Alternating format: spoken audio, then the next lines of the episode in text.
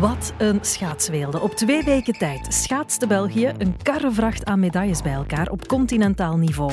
Met Hanne de Smet, Bart Swings en Luna Hendricks als voortrekkers. België als schaatsland en dat zonder infrastructuur. Of bevinden we ons dan op glad ijs? Hallo, we zijn weer vertrokken voor een nieuwe week Sportza Daily. Met negen medailles in totaal op het EK schaatsen, kunstschaatsen en shorttrack kan België meer dan tevreden terugblikken op de afgelopen twee weken. Voor het eerst ooit is een Belgische schaatster Europees kampioen kunstschaatsen. Luna Hendricks heeft vanmiddag goud behaald op het EK. Ja, ik ben echt super blij. En het werd al helemaal bijzonder voor ons land met nog een podiumplaats. De jonge Nina Pinzarone pakte brons. Ik denk dat ik wel trots op mezelf kan zijn. We maken het lijstje met Belgische medailles van dit weekend nog wat langer. En Bert Sterks, het is een van de goede kleur. Het is eh, de goede kleur en een eh, leuke statistiek, Gert, is dat België nu het enige land is met Europese titels in de drie schaatsdisciplines. En het kunstschaatsen met Luna Hendricks op de lange baan met Bart Swings. En nu dus ook Hanne de Smet in het shorttrack. Ja? Dat is uh, inderdaad zo. De laatste ronde gaat in. Heeft de Smet nog een manoeuvre in huis? Meestal wel.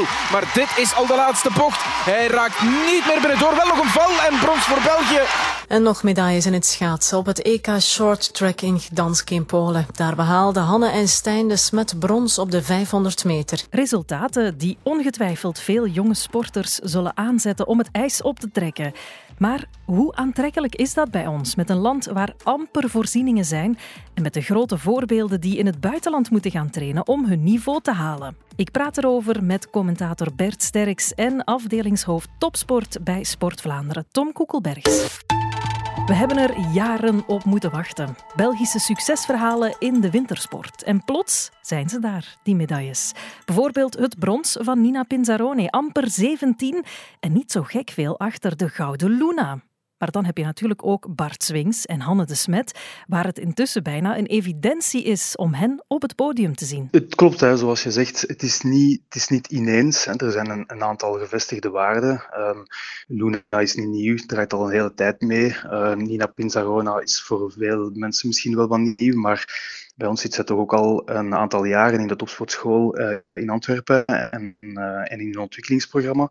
Dus geheel onverwacht komt het niet. Um, ook in het shorttrack is er al een hele geschiedenis aan vooraf gegaan. Hè. Hanne en Stijn zijn echt gevestigde waarden die uh, ook al op de Spelen hebben gepresteerd. Um, en dan zie je toch dat ja, als topsporters op zo'n niveau presteren, dat er toch ook een heel aantal anderen in hun kielzog mee, meegaan in dat succes, um, mee ambitieus worden uh, en echt wel mee voor, um, voor de allerhoogste niveau willen gaan. Je hoort Tom Koekelbergs. Ik ben afdelingshoofd topsport uh, bij Sport Vlaanderen. Uh, dus dat betekent dat wij eigenlijk het, het beleid van de, van de minister van Sport uitvoeren en de middelen die voor topsport voorzien zijn verdelen over de Vlaamse topsportfederaties en de Vlaamse topsporters. En zoals Tom dus zegt, geheel onverwacht is het niet, maar toch mogen we de resultaten zeker niet als normaal beschouwen. Uh, nee, dat is helemaal niet evident. Zeker omdat wij niet de schaatscultuur hebben zoals die in Nederland bijvoorbeeld uh, bestaat. Um, en wij het uh, altijd hebben moeten hebben van een paar grote talenten die opstaan. Maar nu ging het wel verder dan dat. Hè. Je had talenten, maar je had ook uh, medailles op uh, ploegonderdelen, op relays. Wat toch verder gaat dan gewoon één iemand die er bovenuit steekt. Dus nee, dat is alles behalve een evidentie om dat op acht dagen tijd dan nog een keer neer te zetten. Um, in totaal drie titels en nog een pak andere medailles erbij. Dat is een, een schitterende balans. Ja, veel talent, veel succes. En dan komen we natuurlijk al gauw bij de kwestie van de accommodatie, de infrastructuur. Luna, die veel in het buitenland zit om te trainen. De shorttrackers die gewoon geen plek in België hebben. Daar kom je toch niet meer mee weg als land? Nee, dat is heel vreemd. En dit is het moment om het een keer aan te grijpen, denk ik. Het is in het verleden al meermaals geprobeerd om uh, plannen te smeden, om uh, ja, terreinen te zoeken, om locaties te zoeken. Maar heel... Uh, Heel concreet is dat nooit geworden. Um, maar dit is nu echt een moment om het vast te grijpen, denk ik. Als je merkt dat je in de drie disciplines meedoet, dat je als enige land in de drie schaatstakken een Europese titel hebt kunnen vieren, dan zou het niet getuigen van goed beleid als je dat niet probeert te bestendigen voor de, voor de volgende generatie. En dat is iets wat, waar echt moet over nagedacht worden. Want ja, Bart Swings die gaat niet zo lang meer meegaan als er al ooit een lange baan hal komt in België, dan zal het niet meer zijn om Bart Swings op te laten schaatsen. Hij zal ze misschien nog mogen inhuldigen, maar zijn schaatscarrière die zal voorbij zijn. Dus en Stijn de Smet die gaan wel nog eventjes mee. En zeker die jongere shorttrekkers die eraan komen. En ook daaronder zit er al een laag met 15, 16-jarigen die zien wat er mogelijk is. Maar ook zij zullen, zoals het er nu naar uitziet, allemaal naar het buitenland moeten uitwijken om, een eh, fatsoenlijke schaatsbaan te hebben om op een hoog, op een degelijk niveau te kunnen trainen.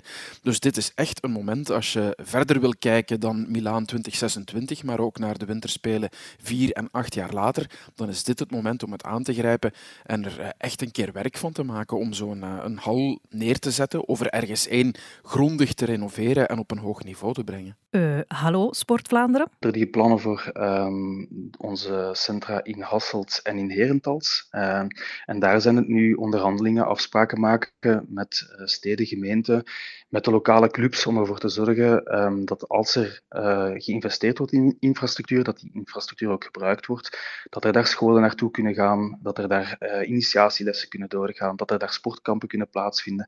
Dat zijn toch echt allemaal belangrijke elementen om ervoor te zorgen dat, dat een investering in infrastructuur op lange termijn dat dat een, een zinvolle en een slimme investering is. Het is natuurlijk infrastructuur, dat is echt een complex uh, gegeven. Hè. Uh, en een ijsbaan, dat bouw je niet zomaar op 1, 2, 3. Uh, zeker in, in de huidige omstandigheden met het klimaat en de energieprijzen en zo verder, zijn dat toch vraagstukken waar we goed over moeten nadenken en waar dat we echt op lange termijn engagementen aangaan.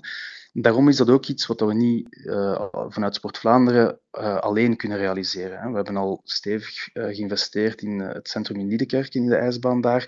En er zijn ook volop gesprekken aan de gang voor vernieuwingen te doen in Hasselt en in Herentals.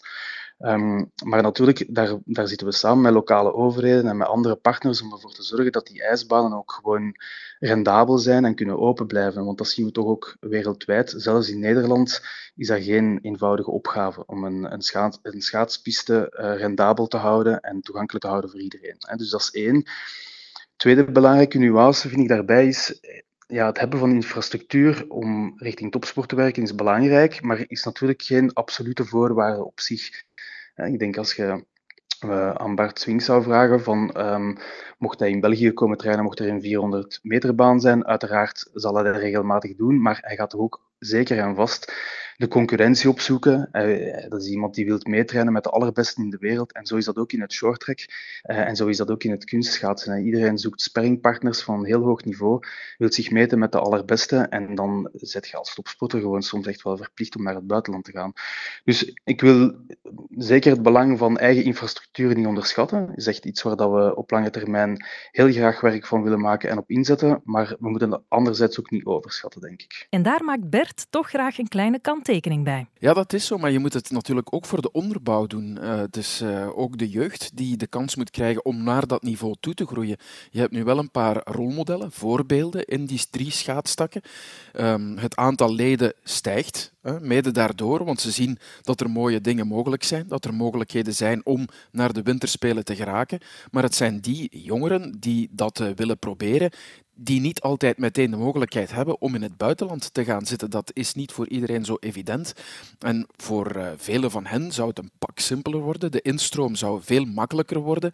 En het uh, proberen om dat niveau te bereiken ook, als dat gewoon wat dichter bij huis kan gebeuren in eigen land.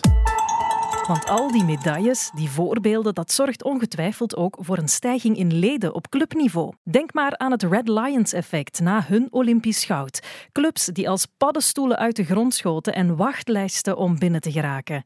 Is België daarop voorzien om dat op te vangen? Uh, nee, daar is uh, geen infrastructuur genoeg voor. Hè, want uh, je merkt het nu al dat Luna Hendricks en Nina Pinzarone vaak urenlang moeten rondrijden om een om trainingsijs te hebben hier in België. En dan heb ik het nog maar alleen over kunstschaatsen. Je hebt ook nog shorttrack, je hebt nog ijsdansen, je hebt ijshockey niet te vergeten. Hè, dat zijn allemaal sporten die ijs nodig hebben, die een ijshal nodig hebben.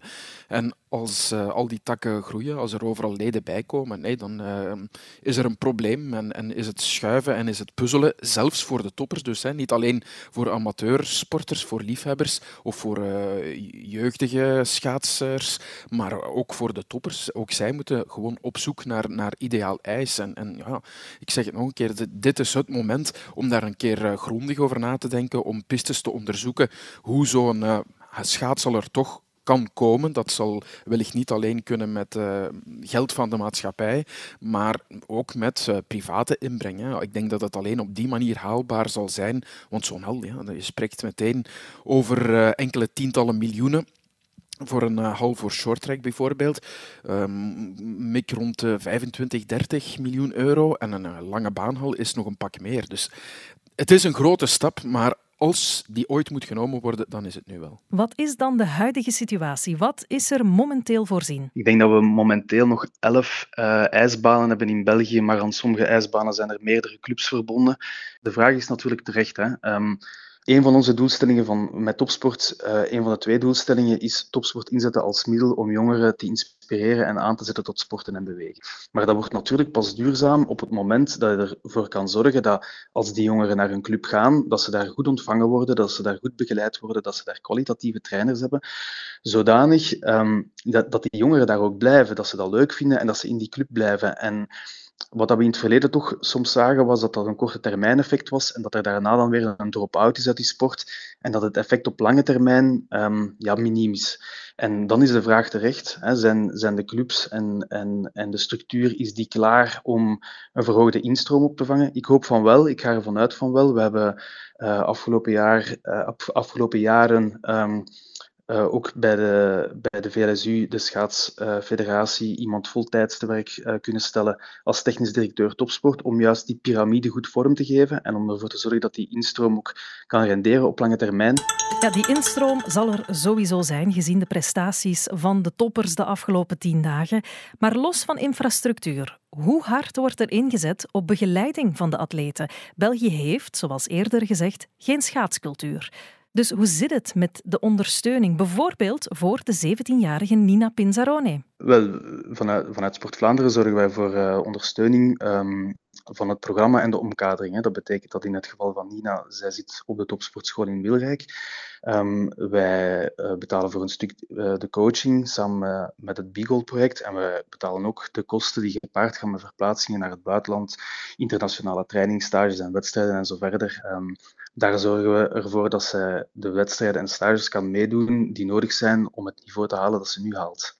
Dus ik denk dat we daar wel mogen spreken van uh, een kwalitatieve ondersteuning, zoals we dat voor alle andere uh, sporttakken doen, of voor alle andere topsporters die in een vergelijkbare situatie zitten als Nina. Een mening die ook wordt gedeeld door Bert. Wow, ik denk dat dat in de loop van de jaren echt wel verbeterd is. Um, als je kijkt naar de shorttrekkers bijvoorbeeld, ja, het is voor hen nu wel mogelijk gemaakt om uh, in Canada te gaan trainen op een hoog niveau, daarvoor ook in Nederland te trainen op een hoog niveau.